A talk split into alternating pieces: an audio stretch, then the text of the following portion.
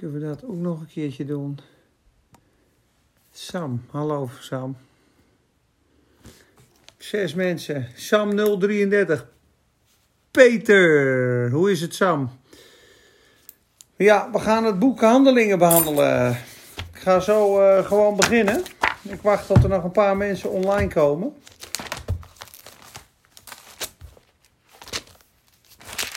Ja, we hebben openbaring gehad. Niet helemaal af kunnen ronden. Ja, een aardig pittig boek. En nu krijgen we, ik hoop het niet, maar ik denk dat we weer een lockdown krijgen. Dus ik denk, joh, misschien gaan we het boek Handelingen bestuderen.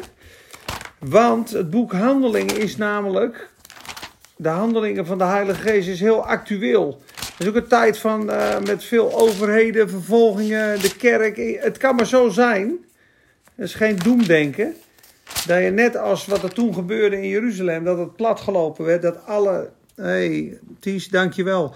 Dat alle christenen uh, uh, versplinterd werden. Hè? Uh, hoe zeggen ze dat nou? Verstrooid. En overal het woord spraken. Dat zullen we wel tegenkomen. En ik heb hier een studiebijbel, want ik kon mijn eigen bijbel niet vinden. Dus uh, we beginnen straks gewoon te lezen. En ja, te kijken waar we eindigen. Hey Rico, goedenavond maat. Maar uh, het boek Handeling is heel bijzonder. Dat de, de handelingen van de Heilige Geest. Uh, de kerk in wording. Uh, als je ziet hoe bovennatuurlijk ze leefden. Hoe uh, veel ze deelden samen. Hè? Ehm, dan denk ik wel eens, joh, wat ben ik daar ver vandaan? Heer, help me. Wat zijn we allemaal met onszelf bezig? En wat was de kerk? Een totaal ander organisme op het moment dat die samenkwamen, samen aten, samen bidden. En die hadden zo'n doel, zo'n vervulling van de Heilige Geest. Dat elke dag werden er grote wonderen en tekenen gedaan. En was de vervolging. En hadden ze problemen met de Farizeeën, hadden ze problemen met Sanhedrin. En nou ja, Filippus uh, die zet in hoofdstuk 8 een heel Samaria op. De, de lammen lopen, de blinden gaan zien, de doven horen. Uh, grote wonderen en tekenen. En dan krijg je natuurlijk de vervolger van de kerk, Paulus, die Saulus was. Hè. Saulus die verbitterde zich tegen de christenen. En uh, met brieven ging hij ze achteraan op zijn paard naar Damascus, 600 kilometer verder. Dus hetzelfde als je dan Parijs gaat, te paard om christenen uit huizen te trekken. En we lezen in het boek Handelingen dat hij zegt: Ik gaf mijn woord als zij omgebracht werden. Ik gaf mijn woord als ze omgebracht werden. Uh, ik sleurde uit huizen, weet je wel. Uh, en hij dacht dat hij daarmee God een handje hielp. Totdat hij dus op de weg naar Damascus drie dagen blind was, van zijn paard geslagen werd. En ik ben nu degene die eerst het geloof vernietigde, preekt nu het geloof wat hij uh, eertijds vernietigde. Dat, dat zeiden ze uh, in handelingen. Dus ja, het is heel veelzijdig. Ik weet niet hoeveel lessen we gaan doen. Maar ik wil dit doen om iedereen eigenlijk wakker te maken, te triggeren, ook mezelf, uh, aan te sporen in het geloof. En om eens te zien, wat is nou een Bijbelse opwekking? Want dat is het boek Handelingen, een Bijbelse opwekking. Wat gebeurt er in opwekkingstijd? Wat gebeurt er als de Heilige Geest het volledig over het zeggen, voor het zeggen krijgt? En er staat in uh, Handelingen 13 is dat volgens mij. De Heilige Geest zei: Zondert mij af, Paulus en Barnabas. Zondert mij af, Paulus en Barnabas. De Geest uh, gaf opdrachten. He, Ananias en Sapphira vallen dood neer in hoofdstuk 5. Wat een gezag. Degene die uw man begraven hebben, zullen ook u begraven. Safira, hoe heeft het u lieden toch uh, voor kunnen komen om de geest des Heren te verzoeken? Heftig als er iemand dood neervalt. En het was, ze hadden gunst bij het hele volk. Dus de, Petrus wordt gevolgd in, vanaf hoofdstuk 12. Je ziet de zendingsreizen. Je ziet wat een vervolgingen ze kennen. Uh, je ziet wat een wonderen ze meemaken. Uh, handelingen 9, dat uh, Petrus Eneas en Dorcas opwekt. Hè? Handelingen 8, handelingen 9. Dorcas was gestorven en Petrus was in Joppe. En ze gingen hem halen. En hij wekte gewoon een vrouw op uit de doden. He, de, in hoofdstuk 3 is er al gelijk opschudding als die, die man bij de schone poort. Uh, zilver en goud heb ik niet. Maar wat ik heb, Dat geef ik u. In de naam van de Heer Jezus Christus, sta op. Moet je nagaan dat dat vandaag de dag gebeurt. En wat ik ook wil doen in het boek Handelingen, eh, is niet, het is geen geschiedenisboek. Het is niet, ja, dat was toen. Dat was met de eerste apostelen. Nee, nee, nee, nee, nee. Dat is, als je vervuld bent met de Heilige Geest, wat kan je verwachten? Want er staat nog steeds in 1 Korinthe 12, er zijn in de kerk hedendaag ook mensen met gaven der gezondmakingen. De kracht van de Heilige Geest en de Heer Jezus is nooit veranderd. Hij is nooit veranderd. De mensen zijn veranderd, de tijden zijn veranderd, maar God is nooit veranderd. En als het werk van Jezus in de evangelie doorging door de apostelen, en hij leerde hen alles te doen uh, en te onderhouden wat hij hen geboden, geboden had. Ja, dan moest je kijken dat zij spraken. Want kijk, ik kan het heel makkelijk bewijzen. Als alleen de apostelen wonderen deden, waarom deed Stefanus dan wonderen? In hoofdstuk 6 en hoofdstuk 7. Stefanus was een discipel. Zoek dan mannen vol van de Heilige Geest, zeven mannen vol van de Heilige Geest om de tafels te dienen. Daar zat Stefanus bij, vol van de Heilige Geest, vol van wijsheid. En wat deed Stefanus? Grote wonderen en tekenen onder het volk. Was hij een apostel? Nee, hij was een discipel, hij was een gelovige, net als jij en ik. Alleen hij was vol van de Heilige Geest. En Gods kracht stroomde door hem heen. Moet je maar eens hoofdstuk 7 hoofdstuk 6 en 7 lezen thuis van Handelingen. Dan kan je dat zien. Kijk, in hoofdstuk 14 staat heel mooi dat God met wonderen werkte. Kijk, en het gebeurde in Iconium, hoofdstuk 14 vers 1, dat zij samen de synagoge van de Joden binnengingen. En zo spraken, dat is Paulus en Barnabas, dat een grote menigte, zowel van Joden als van Grieken, geloofde. Maar de Joden die ongehoorzaam waren, wekten in de zielen van de heidenen onrust en verbittering tegen de broeders. Zij verbleven daar dan lange tijd en spraken vrijmoedig in vertrouwen op de Heer, die getuigenis gaf aan het woord van zijn genade en maakte dat tekenen en wonderen door hun handen geschieden. De, de kerk bidt dat ook in hoofdstuk 4. Wonderen en tekenen. Strek uit uw hand dat wonderen en tekenen gebeuren. Dit mag vandaag de dag ook. Het is een wonder als je iemand het evangelie vertelt. Het is een wonder, of preekt, hè, eh, getuigt. Het is een wonder als je handen oplegt bij mensen en zij genezen. En dat kan vandaag nog steeds. Ik ben geen wondergenezer, maar ik heb zeker wonderen meegemaakt toen ik bad voor mensen. Ik ken mensen die grote kracht hebben in de Heilige Geest en die wonderen en tekenen doen. En er zijn mensen, geloof het of niet, die hebben vandaag de dag op aarde meerdere dode mensen opgewekt. In Mexico en in uh, Mozambique is een vrouw die zelfs kinderlijkjes die bij het afval lagen, is gaan dragen, gaan huilen, gaan bidden. Ze werd twee jaar lang uitgelachen. Heidi Baker. Uh, altijd genoeg is het boek wat ze geschreven heeft. Heidi Baker was aan het huilen met kinderen. En op een gegeven moment zei ze: Joh, lachend, zijn er al een paar wakker geworden? En dat was eerst niet. Maar twee jaar later kon ze antwoorden: ja, er zijn er dertien wakker geworden. Dertien dode kinderen, huilend onder de genade van God teruggebeden. Dus de wonderen van handelingen zijn niet geschiedenis, is actueel. Het laatste vers van handelingen is ook open. Dus laten we dat in ieder geval tackelen. Dat het de Bijbelstudies zijn om het geloof te bemoedigen.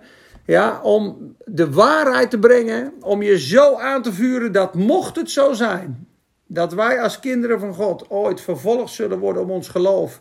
Denk aan ISIS, denk aan grote verdrukking, denk aan wat er kan gebeuren in de aarde. Wij weten het niet, maar het kan zo zijn, jongens, dat we over een aantal jaar alleen maar onszelf en God hebben en dat de rest je ontnomen wordt. Is je anker dan in God? Is je anker dan in het woord van God en ga je net als de broeders en zusters in handelingen dan staan in de kracht van de Heilige Geest? Of ga je schreeuwen en, gillen, en gillen als een baby en zie het allemaal niet meer zitten? Nou, dan ga ik hoop dat we staan als een krachtig leger, als een gezin. En uh, dat je zo vol van liefde bent. Maar dat zie je bijvoorbeeld ook bij de eerste martelaar. Stefanus wordt dood, doodgegooid met stenen aan het eind, eind van hoofdstuk 7 doodgegooid met stenen. En wat bidt hij? Hij bidt, heren, reken hun deze zonde niet toe. Hoe liefde heb je dan? Wij hadden echt waarschijnlijk hè, alle vloekwoorden erbij gehaald en dreigingen. En als ze je wegvoeren en ze stenigen je. Maar hij had zo'n ontzettende passie en liefde en kracht van de Heilige Geest op hem. Dat hij bad voor zijn vijanden op het moment dat ze hem doodgooiden met stenen. En hij kreeg van Jezus een staande ovatie. Ik weet niet of je dat wel eens gezien hebt, maar de Heer Jezus Christus zit aan de rechterhand van God. Maar aan het eind van hoofdstuk Steven staat die mensen. Hij staat. Een staande ovatie voor Stefanus wordt gemaakt door de Heer Jezus. Ik zie de zoon des mensen staan aan de rechterhand Gods. En toen hij dit zei, gaf hij de geest en bad, Heere, reken hun deze zonde niet toe. Halleluja. Nou, ik wil beginnen met gebed en ik wil uh, het aan God geven en laten we kijken waar we, waar we, ja, waar we heen gaan vandaag. Hey Niek, hoe is het? Hij nog bloemen? Hebben we nog bos bloemen voor me? We hebben altijd wel schik hè, op Insta. Oude jongens krentenbrood, maar toch, uh, hè? We weten waar we heen gaan, we weten waar we vandaan komen. Halleluja. Vader, we zegenen deze tijd van, uh, van onderwijs. Ik bid en ieder die luistert voor bemoediging, verfrissing, verkwikking. Dat ze veel vrucht mogen dragen. Heer, dat heeft u ook gezegd. Ik heb u gekozen en gesteld. U hebt niet mij uitgekozen, maar ik heb u uitgekozen. Ik heb u gesteld dat gij zou heen gaan en dat u vrucht zou dragen. En dat u vrucht zou blijven. Hierin is mijn vader verheerlijkt. Dat gij veel vrucht draagt. Hey Kevin, fijn dat je luistert. Veel vrucht bid ik voor iedereen die luistert. Vrucht op hun werk, vrucht in hun huwelijk, vrucht in, op hun gezinnen, vrucht in de communicatie, vrucht in de omgang, vrucht vooral in de aanbidding en omgang met u. Heer, kom ons tegemoet in onze zwakheid. Heer, kom ons tegemoet in onze menselijke tekortkomingen. Heer, en laat ons drinken van uw genade. Dat we opgereisd worden van het stof en dat we vanuit de hemel, want daar zijn we gezeten, Efeze 2. Hij heeft u opgewekt en mede een plaats gegeven in de hemelse gewesten in Christus Jezus. Ik bid dat het geestelijk zal worden, dat het geestelijk, hemels en krachtig zal zijn. Ons geloof een, stralend geloof mag zijn, heren. Een bemoediging. Ik bid het voor iedereen. Ik bid dat u het woord opent. Het boek van de handelingen der apostelen. De handelingen van de Heilige Geest. Heer, wat heeft u toch een machtige werk gedaan. En wat is het toch verstrooid, heren, het geloof. En wat is het vernietigd, heer, door godsdienstigheid. Door inmenging. Heer, door haat, door zonde, door lust. Heer, wilt u ons verlossen van al die dingen die ons weerhouden om te genieten van de genade en de kracht van de Heilige Geest en het geloof. Heer, we bidden zo. We bidden zo dat u werkt. Wij roepen tot u. U bent onze hulp, Heer. Ook in deze moeilijke tijd met corona, waar wij verschillende geluiden horen, waar we in de war kunnen raken, Heer, waar we boos kunnen worden. We bidden en zegenen ook de mensen in de overheid, ook degenen die liegen en bedriegen en daar een medeweten mee hebben. Heer, we zegenen hen, dat ze loskomen uit de klauwen van de vijand. We bidden voor hen voor goddelijke wijsheid en goddelijke beslissingen. Heer, als ze vastzitten en misschien worden ze wel onder druk gezet met pressiemiddelen internationaal of met chantage, we weten het niet. Maar er zijn mensen die niet het beste met de ander voor hebben en een dubbele agenda hebben. Heer, u kent die harten, maar we spreken tot die harten. Dat ze gericht mogen worden, dat ze mogen ontkomen aan dat onheil. Heer, en als het zo moet zijn, geef ons een hart dat geduldig verdraagt en dat hen zegent. Heer, maar werk met kracht dwars door de mensen heen. Heer, en we bidden dat als de leugen regeert, dat de waarheid hem zal ontmaskeren. Heer, we bidden voor de ondernemers. We bidden voor het land, Heer. We bidden voor alle werkzaamheden. Heer, we bidden dat er een oplossing komt voor het coronaprobleem. Heer, en als het niet zo ernstig is, dat als het zo moet zijn, Heer, laat er mensen opstaan. Laat artsen opstaan. Laat het tegengeluid opstaan. Laat zo'n machtig tegengeluid komen van overtuiging als dit niet van u is, Heer. Heer, daar bidden wij voor. Heer, en anders laat ons geduldig dragen. We kunnen niet speculeren, we kunnen niet oordelen. Heer, maar we mogen ook zien wat echt is. Vader God, we bidden voor de dokters. We bidden voor de mensen die het zwaar hebben, die ziek zijn. Maar we bidden ook, Heer Jezus, voor vrijheid en voor openheid en voor echtheid. Heer, en dat elke dubbele agenda aan stukken gesmeed gaat worden, Heer, gebroken gaat worden door uw kracht. In Jezus' naam. Amen. Zo.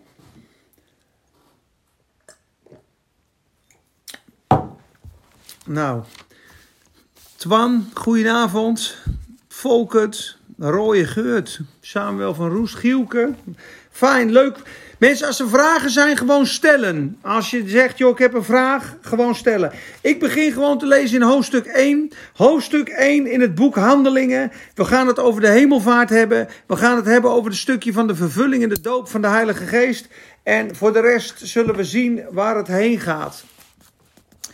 Het eerste boek heb ik gemaakt, o Theophilus, over alles wat Jezus, let op, begonnen is te doen en te onderwijzen. Dat is een hele belangrijke zin. Begonnen is te doen en te onderwijzen. Jezus is het begonnen te doen en te onderwijzen. En hij gaf het over aan zijn apostelen en discipelen om het uit te dragen. Zoals de Vader mij zond, zend ik ook u. Tot op de dag waarop hij opgenomen is. Nadat hij door de Heilige Geest aan de apostelen, die hij uitgekozen had, opdrachten had gegeven. Hij heeft zichzelf, nadat hij geleden had, ook levend aan hen vertoond. Met veel onmiskenbare bewijzen, veertig jaar lang, waarbij hij door hen gezien werd en over de dingen sprak die het koninkrijk van God betreffen. Veertig dagen lang na zijn opstanding, met de gaten nog in zijn handen, in een opstandingslichaam, vond Jezus het nodig om 40 dagen te blijven en opdrachten en leringen te geven over het koninkrijk van God. Hoe wandelen ze in die nieuwe staat in de Heilige Geest? Wat wil de Heer doen? En hij ging door. En toen hij met hen samen was, beval hij hun dat zij niet uit Jeruzalem weg zouden gaan, maar de belofte van de Vader zouden verwachten, die u, zei hij, van mij gehoord hebt. We gaan zo zien wat dat is. Want Johannes doopte wel met water. Maar u zult met de Heilige Geest gedoopt worden, niet lang na deze. Het duurde tien dagen, dat weten wij vanuit de Bijbel. Zij dan die samengekomen waren, vroegen hem, heel menselijk, heren, zult u in deze tijd voor Israël het koninkrijk weer herstellen? En ze waren nieuwsgierig, ze zeiden, heer Jezus, eh, hoe zit het? Gaat het nog allemaal goed komen? het koninkrijk zichtbaar? Nee, hij had het over een onzichtbaar koninkrijk. Hij zei tegen hen, het komt u niet toe de tijden of gelegenheden te weten die de Vader in zijn eigen macht gesteld heeft. Maar u zult kracht ontvangen. U zult kracht ontvangen. Wanneer? Nadat de Heilige Geest over u gekomen zal. En u zult mijn getuigen zijn. Getuigen zijn. De Heilige Geest is gekomen om een getuige te zijn. Zowel in Jeruzalem als in Judea en Samaria tot aan het uiteinde van de aarde. En nadat hij dit gezegd had, werd hij aan een oog ontrokken. En nou ja, we weten, er komen er engelen die zeggen hij zal terugkomen op dezelfde wijze. Maar ik denk dat ik in wil zoomen vandaag op de doop in de Heilige Geest. Waarom zei Jezus tegen de discipelen, tegen de apostelen, tegen hen die Ehm, kinderen van God waren en geloofden, waarom zei hij dat ze op de belofte van de Vader moesten wachten? Waarom moesten ze in Jeruzalem blijven? Omdat ze met kracht uit de hoogte bekleed moesten worden voor het werk van de bediening. Iedereen die gelooft in de Heer Jezus Christus. Want er zullen ongetwijfeld mensen luisteren die Jezus misschien niet kennen. Die vinden dit misschien de ver van mijn bedshow. Het, ik, ik, ik ben bezig in het boek Handelingen. Daar ontstaat de kerk. We gaan ook uh, vertellen hoe, je, hoe, hoe de prediking was. Hoe andere mensen tot het geloof kwamen. 3000 per dag kwamen erbij. De eerste dag daarna 5000. En het vermenigvuldigde. Mannen en vrouwen. En ze waren samen. En ze ontvloden uit de, uit de kwade tegenwoordige tijd. We zullen dat allemaal zien in de volgende lessen door de prediking van Petrus, prediking van Stefanus. Maar wat ik nu tegen de christenen wil zeggen, mensen die Jezus kennen en die vrucht willen dragen. Als je vrucht wil dragen in de bediening, zul je vervuld moeten zijn met de Heilige Geest. Zul je de doop van de Heilige Geest ontvangen. Dat is wat de Heer Jezus zegt. Hij zegt tegen hen: Blijf in Jeruzalem totdat gij met kracht uit de hoogte bekleed wordt. Lucas 24, 49 mag je opschrijven. Totdat gij de belofte van de Vader zult ontvangen. dat zegt hij in vers 4. Hij beval hun dat zij niet uit Jeruzalem weg zouden gaan, maar de belofte van de Vader zouden verwachten, die hij, zei hij, die u, zei hij, van mij gehoord hebt. Hij zei namelijk, Johannes doopte wel met water, maar ik doop met de Heilige Geest. En de doop in de Heilige Geest, mensen, is een totale vervulling van Gods geest. Dat zien we op de hoofdstuk 2. Hè? Die, die Pinksterdag, grote tongen als van vuur kwamen op hem. They were immersed in flames of fire. Ze werden zo vervuld met de Heilige Geest dat ze de wil van God gingen doen. Vol van de Heilige Geest. Ik heb daar ook een verlangen naar. ik spreek dit nu uit en denk ik, ja Peter, hoe vervuld ben je zelf? hoeveel doop van de Heilige Geest heb je ontvangen? Je bidt in andere talen, maar uiteindelijk leef je ook heel veel in het natuurlijke en ben je bezig met aardse dingen. Maar in het boek Handelingen waren ze vurig, waren ze gefocust, waren ze tien dagen aan het wachten. En toen die uitstorting van de Heilige Geest kwam, toen waren ze vol met kracht, vol met getuigenis. Ze spraken over de wonderlijke daden van God. En heel Jeruzalem zetten ze op stelten. En ze konden niet ophouden om te spreken over de Heer Jezus. En ik bid en hoop dat dat ook in ons zal geboren worden. Opnieuw. Een herbeleving. Dat, want alles is ondergeschikt aan de Heer Jezus in zijn koninkrijk. We kunnen auto's verkopen zoals ik. Je kan veel geld verdienen. Je kan op vakantie gaan. Je kan schik hebben. Je kan uit eten gaan. Maar het staat en valt bij de vervulling van de Heilige Geest. En de wil van God. En de liefde voor God. Want het eindigt straks, jongens. De deze aarde eindigt. Daar spreekt Petrus over.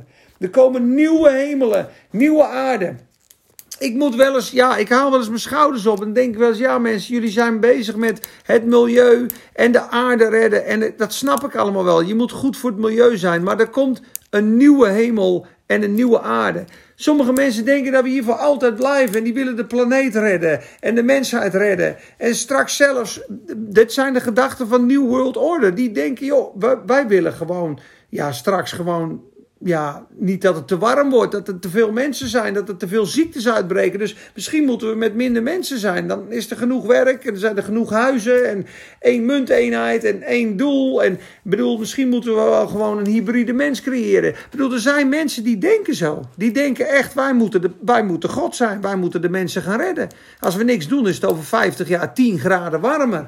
En daar kunnen we niet meer leven. Dus ja, we, we zijn met te veel. En, en bedoel, misschien is het wel heel goed bedoeld. Misschien denken ze wel, joh, als wij niet ingrijpen, is het net als een vuilnisbelt. Er komen straks ratten, er komen ziektes. Er zijn te veel, te veel mensen. Ja, we moeten, we moeten net als een bosbrand. Ja, we, we moeten ingrijpen, want anders sterven we uit. Misschien hebben ze wel een hele goede, uh, wel overwogen gedachten om, om dat soort plannen uit te voeren. Ik weet het niet. Maar ze zijn niet God en ze beschikken niet over leven en dood.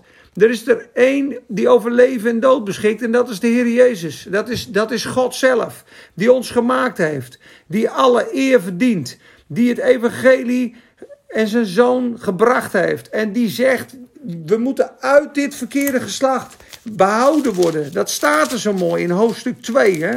Op een gegeven moment, de eerste bekeerlingen staat erboven, hoofdstuk 2 vers 37. Klein sprongetje. En even kijken hoor. En toen zij dit hoorden, de preek van Petrus, werden zij diep in het hart geraakt en zeiden tegen Petrus en de andere apostelen: Wat moeten wij doen om gered te worden, mannenbroeders? En Petrus zei tegen hen: zei hij tegen al die mensen die daar stonden op de Pinksterdag, die van alle landen bij elkaar gekomen waren. Hij had net een preek gegeven, de uitstorting van de Heilige Geest was geweest. Hij had Psalm 16 gepreekt, hij had de opstanding uit de doden gepreekt. Hij zegt, laat u behouden uit dit verkeerde geslacht, zegt hij in hoofdstuk uh, in vers 40. Hij zegt eerst bekeer u en ieder van u moet gedoopt worden in de naam van de Heer Jezus tot vergeving van zonde. We hebben allemaal vergeving van zonde nodig. Elke leugen, elke haat, elke jaloezie, elke diefstal zal straks in het volle licht geoordeeld worden als je de Heer Jezus niet hebt als je advocaat in je zondoffer. Zo heftig is die hemelse rechtbank straks. Denk je nou echt dat als je een kind verkracht hebt in je jeugd en je hebt 40 jaar en 60 jaar gezwegen en je hebt een kind misbruikt en niemand weet het en je staat straks voor God of je hebt gelogen en je hebt gestolen of je hebt zo ontzettend uh, sneaky gedaan op je werk dat iemand ontslagen werd door jouw geroddel en je lacht misschien in je vuistje. Denk je, je bent het misschien vergeten. Dat God is het niet vergeten. Straks komen alle daden boven. Moeten we voor God gesteld worden? Ook ik. Met al je gedrag. En als je dan geen zondoffer en vergeving hebt, dan kan je niet bestaan. Iedereen is schuldig. Ik ben schuldig, jij bent schuldig. Er is geen redding mogelijk buiten de Heer Jezus.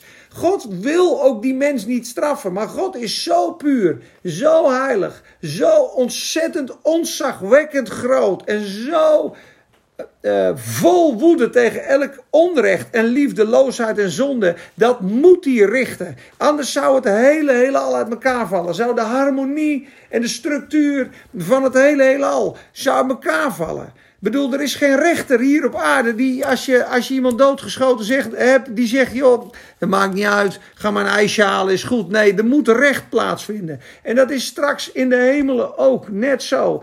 En daarom moest de Heer Jezus sterven. Daarom moest hij het zondoffer worden voor ons. Met zijn bloed heeft hij betaald. En dat preekt Petrus hier. Hij zegt, joh, je moet je bekeren. Je moet de Heilige Geest ontvangen. Je moet opnieuw geboren worden. Je moet vergeving van zonde ontvangen. En wat gebeurt er dan? Want de belofte en u zult de gave van de Heilige Geest ontvangen.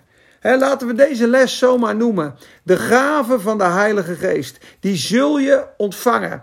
En wat is dat? Dat is het nieuwe leven. Dat is de Heer Jezus die in je komt wonen. Dat is een opnieuw geboren geest en een nieuw hart die uit God geboren is en die wil de wil van God doen. Die wil liefhebben. Die ontwaakt uit de dood. Zo'n wedergeboren christen, die is een lust voor het oog van God geworden doordat hij omkleed is met de Heer Jezus. Zijn zonde wordt niet meer aangedacht, want de Heer Jezus is voor die persoon gestorven. Hij is ook voor jou gestorven. En op het moment dat je erkent en door de Heilige Geest tot overtuiging bent gekomen dat je vergeving nodig hebt en dat je zijn liefde voor jou herkent. Dat je denkt, joh, ben je dan voor mij naar beneden gekomen? Heb jij voor mij geleden? Toen je de doornenkroon droeg, dacht jij toen echt aan mij? Heb jij mijn vloek verbroken? Heb je mijn schaamte gedragen? Hoeveel ben ik dan waard? Wat beteken ik dan voor u? Je betekent alles voor mij. Ik stierf daar in jouw plaats, omdat ik wil dat je bij me bent. Ik wil dat je mijn liefde kent, mijn mijn heerlijkheid. Ik heb je geschapen met een doel. Maar er is een vijand gekomen. Die heeft de zonde erin gebracht. En je hart is versteend. En je geest is dood geworden. En je bent dwalende. Als een schaap zonder herder. Maar ik wil dat je thuis komt. Die stem, als je die gaat horen van de herder, dat hij je gaat roepen, dat hij je leven bepaald heeft. Misschien zit je bij de Albert Heijn achter de kassa. Misschien ben je een hardrocker. Misschien ben je een sportfanaat. Heb je er nog nooit over nagedacht. Maar God heeft een plan voor jou en mijn leven. Hij heeft jou en mij gekocht en betaald. En als je gaat zien dat de glorie van Jezus en de majesteit van God niet te vergelijken is met de glorie van deze aarde. En dat straks, als we onze ogen dicht doen, wij in de hemelse gewesten, in het koninkrijk van God, voor eeuwig zullen leven en regeren met Hem, dan is de oproep als eerste, je hebt vergeving van zonde nodig. Die dode geest moet opnieuw geboren worden. Yvette Kamsteen, goedenavond, wat leuk dat je kijkt. Ik zie je naam, wat leuk. Um, maar Petrus doet die oproep. Bekeert u, laat u dopen, u zult de gaven van de Heilige Geest ontvangen. En la, met veel andere woorden legde hij getuigenis af en spoorde hij hen aan met de woorden: Laat u behouden uit dit verkeerde geslacht. Dus hoe, hoe je het ook wendt of keert, de aarde in zijn staat zoals die nu is, is in een vervallen staat, mensen. De aarde wordt vernieuwd. We krijgen een nieuwe hemel, nieuwe aarde. En ieder mens die in dit aardse systeem geboren wordt van nature, is een vijand van God en wil deze wereld in stand houden.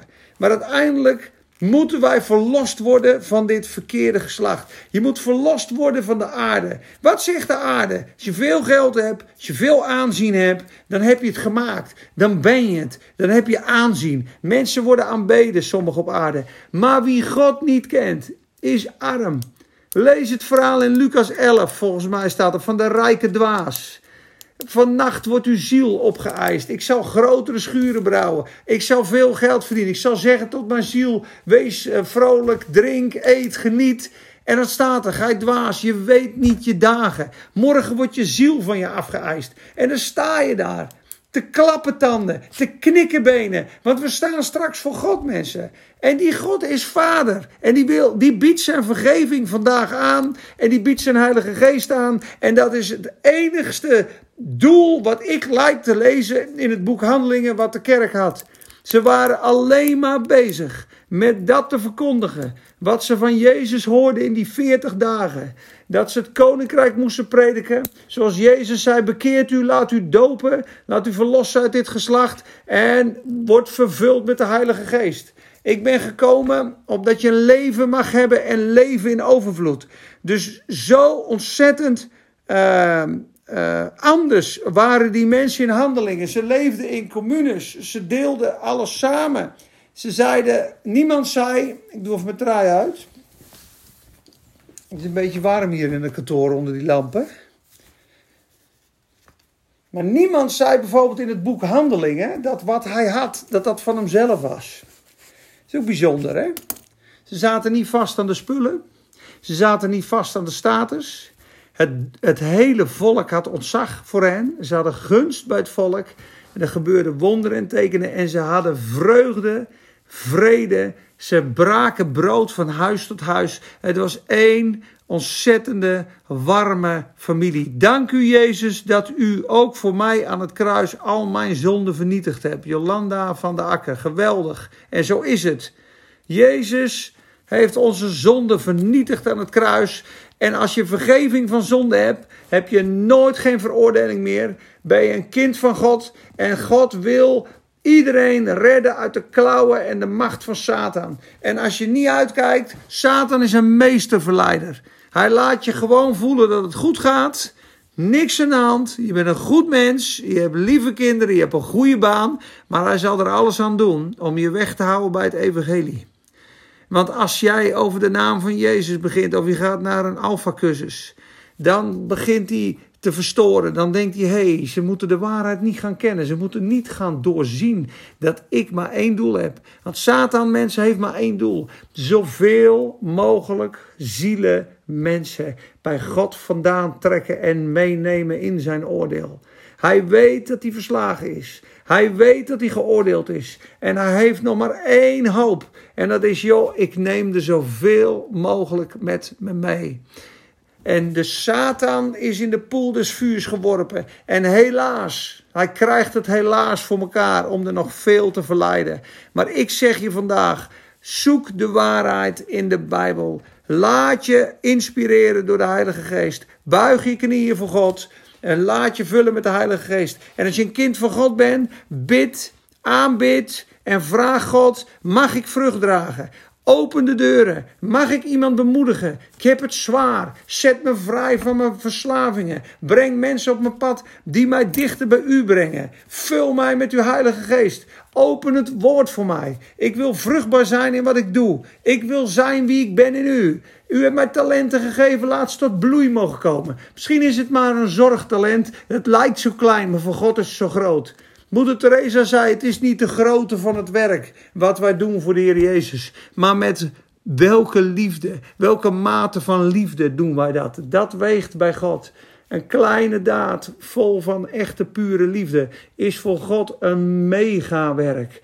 En God zal ons belonen naar onze werken. En God zal eeuwige vreugde eh, op onze hoofden doen neerkomen. En straks zullen we zijn in het nieuwe Jeruzalem, in de feeststad. En zullen we een bruidegom hebben. En zullen we zijn als koningen. En zullen we heerlijkheidsdochters en zonen zijn. Halleluja. Amen. Ik hoop niet dat ik te snel ga, mensen. Soms word ik een beetje enthousiast en dan uh, ben ik net zo'n ratel. Dus ik neem eventjes afstand. ik neem een slokje water en ik doe even een kleine bezinking. Er komt nogal wat op je af in zo'n uurtje. En, uh, maar lees, lees maar eens het boek Handelingen met een open hart. Want er is zoveel afleiding. Ik ook elke morgen opsta, telefoon, berichtjes van het werk, de kinderen naar school brengen. Uh, het is zo makkelijk. Je bent uit eten, je vrouw loopt naar het toilet, je pakt je telefoon. Uh, er is heel veel afleiding. En ik bid echt en ik hoop zo dat je een weg vindt om je ook los te rukken van dat soort dingen. Telefoontje uit, desnoods uh, Bijbel op je telefoon, maar dat je, vaak word je dan gestoord. Dus mijn advies, telefoon uit. Pak de Bijbel, ga in je tuinhuis zitten. Zet een lekker muziekje op en al is maar een half uurtje of een kwartiertje. En lees eens met een open hart het boek Handelingen. Dan word je zo geïnspireerd. Dan lees je zo'n andere inslag en levensstandaard en werking van God. Die realiteit, dat, dat, dat vult je gedachten. Dan ga je anders in het leven staan.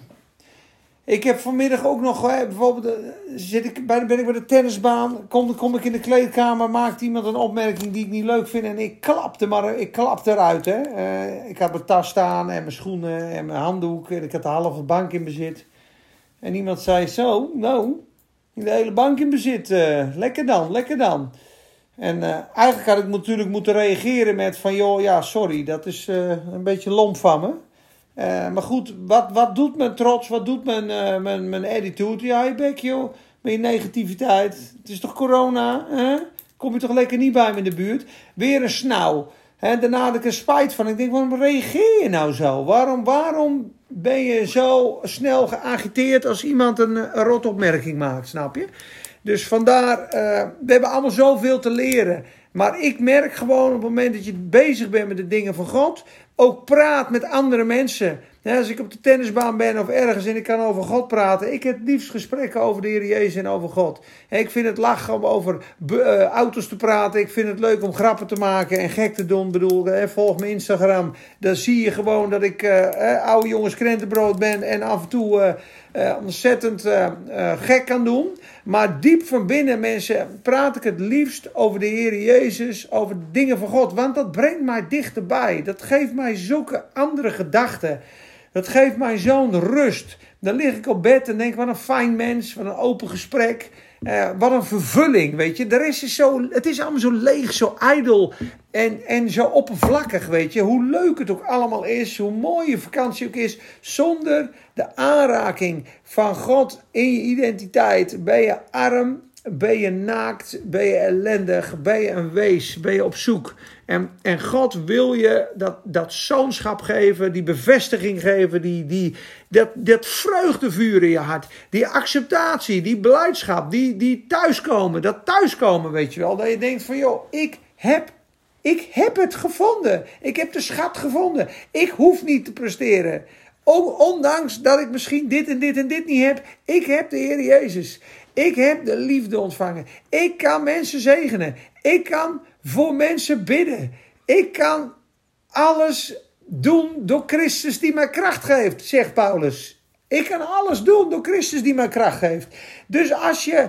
Uh, er was van de week nog een prediker die zei dat. joh, je kan goed in het onderwijs zijn en voor de klas staan. Maar moet je eens bedenken dat je samen door de kracht van de Heilige Geest daar staat. Hoe je dag al anders is. Dat je het van God verwacht. Dat je s ochtends naar de markt gaat en zegt: Heer, deze dag is van u. Ik dank u voor elk goed gesprek. Ik dank u voor leuke en goede handel en gunst op mijn werk.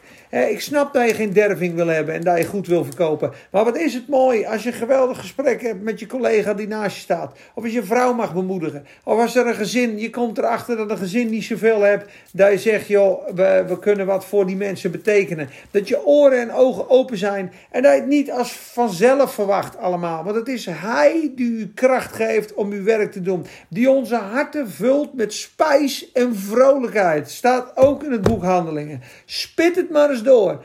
28 hoofdstukken. Heerlijk, heerlijk voedsel. Ik bid het voor jou, ik bid het voor mezelf. Dat we lekker gaan, gaan lezen in die dingen. Er staat ook in het boek Handelingen, dat was van de Berea. De mensen in Berea. Zij onderzochten dagelijks de schriften. Of deze dingen werkelijk zo waren. Doe dat maar eens. Misschien denk je, joh, die Peter Duis die zegt dat allemaal wel. Dat is een of andere charismatische pinkstervogel. Maar dat, geloof ik allemaal niet. Nee, onderzoek het dan zelf. Onderzoek dagelijks de schriften of die dingen al zo waren. En uh, dat, is, dat is van essentieel belang. Maar om, ik denk dat het aan het begin van het boek Handelingen staat. Dat het onmogelijk is om zonder de Heilige Geest in het boek Handelingen te leven en het ook goed te verstaan. Want het zijn de handelingen van de Heilige Geest. Dat, dat de geboorte van de kerk begint met wachten op God in Jeruzalem. Tien dagen zijn ze samen. En eenparig hieven ze hun hoofden op. We gaan naar vers 14. Kijk maar eens even. Wat staat er zo mooi in vers 14? Allen bleven eensgezind volharden in het bidden en smeken met de vrouwen en Maria, de moeder van Jezus, en met zijn broers. Eens kijken. Dit is ook zo krachtig. Eenparig. Geen, ik ben beter dan jij. Ik ben knapper dan jij. Ik snap het meer dan jij. Ik heb meer dan jij. Ik ben anders. Ik ben uniek. Nee, eenparig. Broeder, wat fijn dat je er bent. Ik ben zo dankbaar met jou. Wat jij me allemaal geeft. Wat jij allemaal voor me doet. Ik ben blij dat je mijn zus en mijn broer bent. Maar wat een strijd leverden ze in gebed. Ze bleven eenhardig vol, volharden in het bidden. Ze hadden hun eigen agenda's aan de kant gezet. Ze zochten de wil van God. Door dat gebed. En jullie denken misschien, ja, maar bidden, zo lang bidden, is dat saai? Mensen, het geheim van gebed is dat als je doorbreekt in de kracht van de Heilige Geest, dat je opgetild wordt, dat er uren, minuten worden. Geloof mij, ik heb het meegemaakt. Als je bidt in het natuurlijke, in de vragende realm, in het rijk van het vragen. Hè? Je hebt dus bid en u zal gegeven worden. Zoek en gij zult vinden. Klop en u wordt opengedaan. Ik heb een heel mooi onderwijs een keer gehad daarover. Die man zegt, joh, het zijn drie werelden.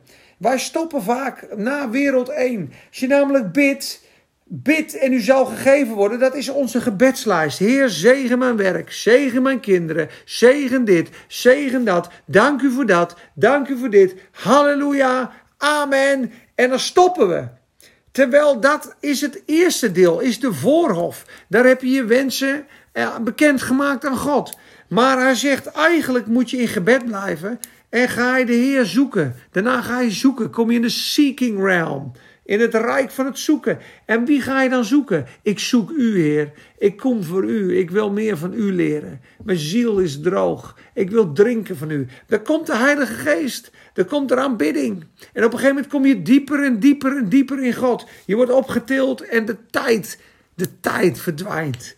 En je bent in het heilige gekomen. Je geniet van het brood de toonbroden, je eet van het woord, je krijgt honger om de Bijbel te lezen. De lamp die geeft licht, je krijgt openbaring, je begint te groeien. Je denkt wauw, wauw, wauw. En heel veel mensen stoppen daar. Dat kan.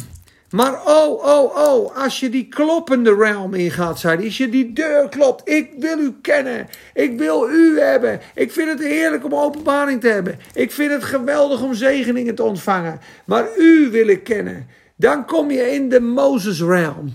Weet je wel, hij kende de wegen. Israël kende de werken van God. De machtige werken van God. Kijk, de zee was gespleten. Kijk, het manna uit de grond. Kijk, de muren van Jericho gingen plat. Maar Mozes kende de wegen van God. Die kende het geheim achter de beslissing van God. Snap je? Als je daar mag komen, dat je gaat kloppen, dat je God mag ontmoeten van aangezicht tot aangezicht, dan wil je bij hem zijn. Dan zie je die schoonheid. Dan denk je, u bent het enige wat, wat, wat belangrijk is. Man, u gaat Netflix honderdduizend miljard keer te boven. Elke mooie vrouw op aarde. Vroeger zat ik achter de vrouw aan. Totdat iemand tegen mij zei, man, Peter, the majesty of the Lord Jesus Christ supersedes all these beautiful women. Can't you see that his glory is so much greater? Weet je wel? En dat is het gewoon. Hij is het einde. Hij is de alfa en de omega. Als je hem gevonden hebt, heb je het einde. Heb je die vervulling in het leven.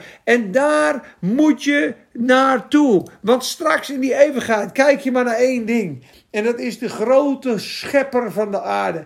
Denk eens na. Hij heeft een kat geschapen, een luipaard, een visje. Alles in de schepping heeft hij creatief bedacht. Hoe groot is God? Hoe uniek is God? Ik zeg het wel eens, sommige mensen zie ik een crimineel of iemand die in de, in de, in de duisternis leeft, die, die loopt dan met een hond, weet je wel, die aanbidt die hond, dat vindt hij zo geweldig. Ik denk dan, joh, wie denk je dat die hond nou gemaakt hebt? God heeft die hond gemaakt. God is toch veel geweldiger dan die hond. Je, je, je moest hem eens kennen. En dat wil God zo graag. Dat we hem aanbidden in geest en waarheid en dat we hem kennen en dat we komen tot de kentenis der waarheid. En dat is waar ze zo aan bidden waren. Dag en nacht. Ze zochten God. Ze kregen honger naar God. Dat gebed, jongen, dat werd een verlangen. Zoals je verliefd bent op je vrouw en je vriendin. En je zit in een boomhut. En zeggen ze, joh, zijn jullie op huwelijksreis geweest? Je hebt vier uur in een boomhut gezeten. Vier dagen op rij, joh. De tijd ging zo snel. We hadden het zo fijn. We liepen aan het strand. Lekker glaasje wijn. We hebben geknuffeld, gepraat, gelachen. Het is heerlijk om bij haar te zijn. En dat gebed, dat krachtige gebed. Ik bid dat het over je uitgestort wordt en over de kerken in Nederland. Dat we volhardend, eenparig, krachtig door zullen bidden. En tuurlijk zal de warfare geweest zijn. Natuurlijk zal het zwaar en moeilijk in gebed geweest zijn. Dat staat er ook. Altijd strijden in de gebeden voor u. Colossense 4:12, Eprofas. Natuurlijk is het soms zwaar en ben je moe en heb je geen zin. En knaagt de Satan aan je en je vlees en je vermoeidheid en heb je geen woorden. En dan zullen ze een bijbelstudie gehad hebben of een, weet ik veel, misschien wel een maaltijd tussendoor of even een stukje zijn gaan wandelen. Ik geloof niet dat ze tien dagen onafgebroken 240 uur gebeden hebben. Maar goed, dat ben ik. Maar ik geloof wel dat ze één van hart en één van ziel waren. Dat ze hongerig waren naar de kracht van de Heilige Geest en naar die belofte. En dat ze hem uit de hemel trokken. Ze braken de hemel open en er kwam grote vrucht. En geloof mij nou, elke vrucht in je leven zal een vrucht zijn van het gebed en de ontmoeting met God. Want Heidi Baker, die vrouw waar ik het over, aan het begin over had, die zoveel mensen uit de dood heeft teruggebeden. En die zit nu volgens mij op 55, 60. Echt wonderlijk. Ze is beschoten. Ze heeft uh, eh, 300 kinderen in een kamp te eten gegeven met 10 plastic bordjes en één kan soep. En de bordjes vermenigvuldigden en de soep werd niet op. Het is gebeurd, mensen. Vijf, zes, zeven, acht jaar geleden. Mozambique. Het is gebeurd. De wonderlijke werkingen van de Heer Jezus. Hij die het brood brak. Even een vraag. Hoe leer je de wegen van God kennen in je persoonlijke ontwikkeling in het geloof als God soms, vooral in deze coronadagen, zo ver weg lijkt? Ja. Hoe leer je de wegen van God kennen? Ja, ik kan alleen maar zeggen door heel veel uh, met Hem om te gaan en met christenen om te gaan en je hart proberen uit te storten bij Hem. Als je oprecht met God kan praten, je zonde beleidt en je leest die Bijbel en je mag dan het wonder van de genade ontdekken. En ik ken mensen die zijn er veel dieper in als ik. Die zijn zo ontzettend betrokken en gezegend uh, door de Heilige Geest en er zo liefdevol geplant in God. Ja, ik denk echt, die zoeken God op een manier, die zijn in de bediening, uh, uh, die hebben een verlangen om mensen over God te vertellen. Op het moment dat je je daarna uit gaat strekken, dat je de wil van God als nummer één in je leven maakt, denk ik dat jij je wegen van God gaat kennen. Want ook toen Abraham gehoorzaam was om Isaac op het offer te leggen, kende hij de Heer als Jehovah Jireh. Niemand noemde de Heer de voorziener. Staat in het Hebreeuws Jehovah Jireh. Waarom? Hij herkende God dat hij een ram met zijn horens verstrikt in de, in de struiken had laten lopen voor hem. En hij wist het. Hij zei: Och Heer, ik heb u gehoorzaamd. Ik heb niet mijn eigen zoon aan u gespaard. En op het moment dat hij dat mes opheft, hoort hij een stem: Abraham. Nu weet ik dat gij God vreest. Laat die jongen onaangeroerd. En toen zag hij dat ram. En toen zei hij, schreeuwde hij het uit, Jehovah Jireh. En hij herkende een deel van God. Dus het nastreven, het nawandelen van God en hem als nummer één in je leven stellen. Hij het belangrijkste. De A en de B en de Z en, het, en je wandelen met God, dan gaat hij zijn hart aan jou bekendmaken. En dan gaat hij delen van zichzelf aan je laten zien. En dan kan jij wel eens een woord van God krijgen wat heel erg uh, onnatuurlijk lijkt. En dat je dan daarna denkt, jongen, jongen, ik gehoorzaamde God. En kijk eens hoe hij daar doorheen werkte. Dan, dat waren de wegen van God die ondoorgrondelijk zijn. Zijn ondoorgrondelijke wegen zul je kennen op het moment dat je hem gaat vertrouwen. Hem alles eerlijk vertellen wat je voelt en denkt. Ja. Exodus 14, 14. Dat is wel leuk hè, die interactie.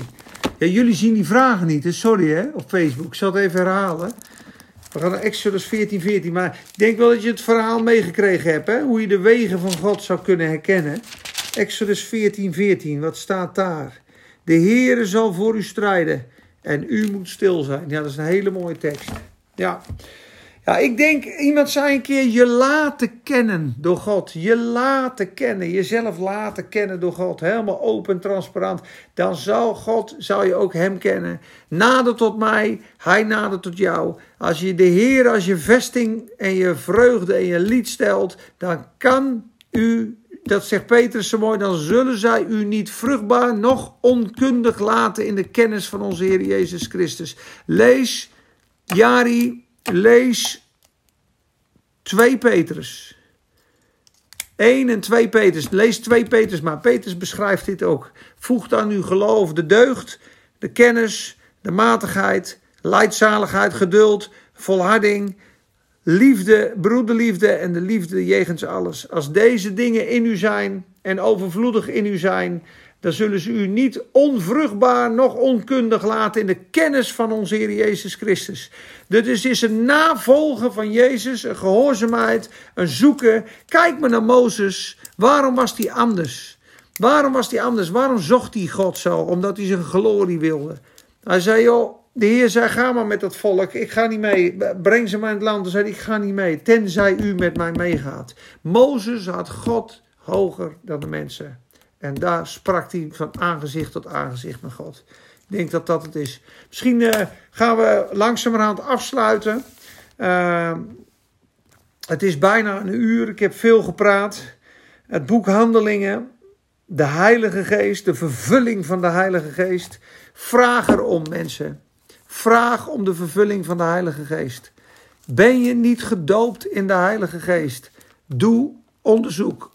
Bid tot God. Doop mij in uw Heilige Geest. Ik wil vervuld worden met u.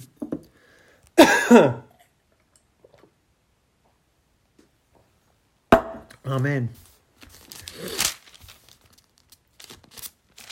Ja. Ze waren aan het bidden. Ze volharden in het gebed.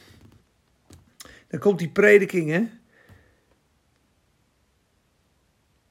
Ja. Ik lees nog een klein stukje. En ze zijn dus aan het bidden. Vers 15. En in die dagen stond Petrus op te midden van de discipelen. Er was namelijk een menigte bijeen van zo'n 120 personen. En hij sprak en zei: Mannen, broeders, dit schriftwoord moest vervuld worden. dat de Heilige Geest bij de mond van David. tevoren gesproken heeft over Judas, die gids is geweest voor hen die Jezus gevangen namen. Want hij werd bij ons gerekend en had deel gekregen. Nou, dan praat hij over dat Judas een akker gekocht heeft, dat hij zich opgehangen heeft. En ik moet heel eerlijk zeggen dat ik wel vaker de Bijbel moet opentrekken. Ik zal twee Peters onthouden, Peter. Je bent een goede spreker, man. Nou, dankjewel. We prijzen de Heer. Ja. Nou goed, er wordt een andere apostel aangesteld. En dan komt hoofdstuk 2, de uitstorting van de Heilige Geest. Laten we dat meepakken. Toen de dag van het Pinksterfeest, 50 dagen Pentecost aan het einde na de kruisiging, 50 dagen na de kruisiging. 40 dagen op aarde geweest, opgestegen gestegen na 10 dagen kwam de belofte van de Heilige Geest op Pinksterdag. Toen die dag vervuld was, waren zij allen eensgezind bijeen en plotseling kwam er uit de hemel een geluid van een geweldige windvlaag. En dat vervulde heel het huis waar zij zaten. En aan hen werden tongen als van vuur gezien, die zich verdeelden, en het zat op ieder van hen. Ze werden alle vervuld met de Heilige Geest en begonnen te spreken in andere talen, zoals de Geest het hun gaf uit te spreken. Nu woonden er in Jeruzalem godvrezende mannen, Joden. En toen dan dit geluid klonk, kwam de menigte samen en raakte in verwarring. Zijn zij niet allen Galileërs, zeggen ze, want wij horen iedereen in onze eigen taal spreken. De grote wonderen van God. Snap je? En ze waren alle buiten zichzelf en raken in verlenigheid. De een tegen de ander. En anderen zeiden spottend, ze zijn vol van zoete wijn. Nou ja, dan komt Petrus weer met een toespraak. Maar kijk maar eens in het boek Handelingen. Dat de belofte, de Heilige Geest is ook voor jou. Hij komt ook in hoofdstuk 11. En hoofdstuk 10, hoofdstuk 11 komt hij bij uh, Cornelius de dopende vervulling van de Heilige Geest. Op het moment dat het bloed van Jezus voor jou gevloeid hebt en je gelooft dat, heb jij de zegen en het recht ja, om de Heilige Geest te ontvangen. En hij staat te popelen om jou bovennatuurlijke kracht te geven, diepe vertroosting en een grote zegen. En hij zal met u zijn voor altijd. Jezus is de Heilige Geest. De Heilige Geest is Jezus Unlimited. Dus die raad ik je van harte aan. De Bijbel zegt, word vervuld met de Heilige Geest. Amen. Ik zegen iedereen die geluisterd heeft. Ik zet de opname stop. Ik zal hem posten op Insta. Ik zal de geluidsopname delen in de apps. En ik hoop dat die op Facebook ook gedeeld wordt. Ik hoop dat de mensen gezegend zijn. Ik bid dat je veel vrucht mag dragen. Ik bid dat je vervuld mag worden met de Heilige Geest. Ik bid dat God vereerd en verheerlijkt mag worden.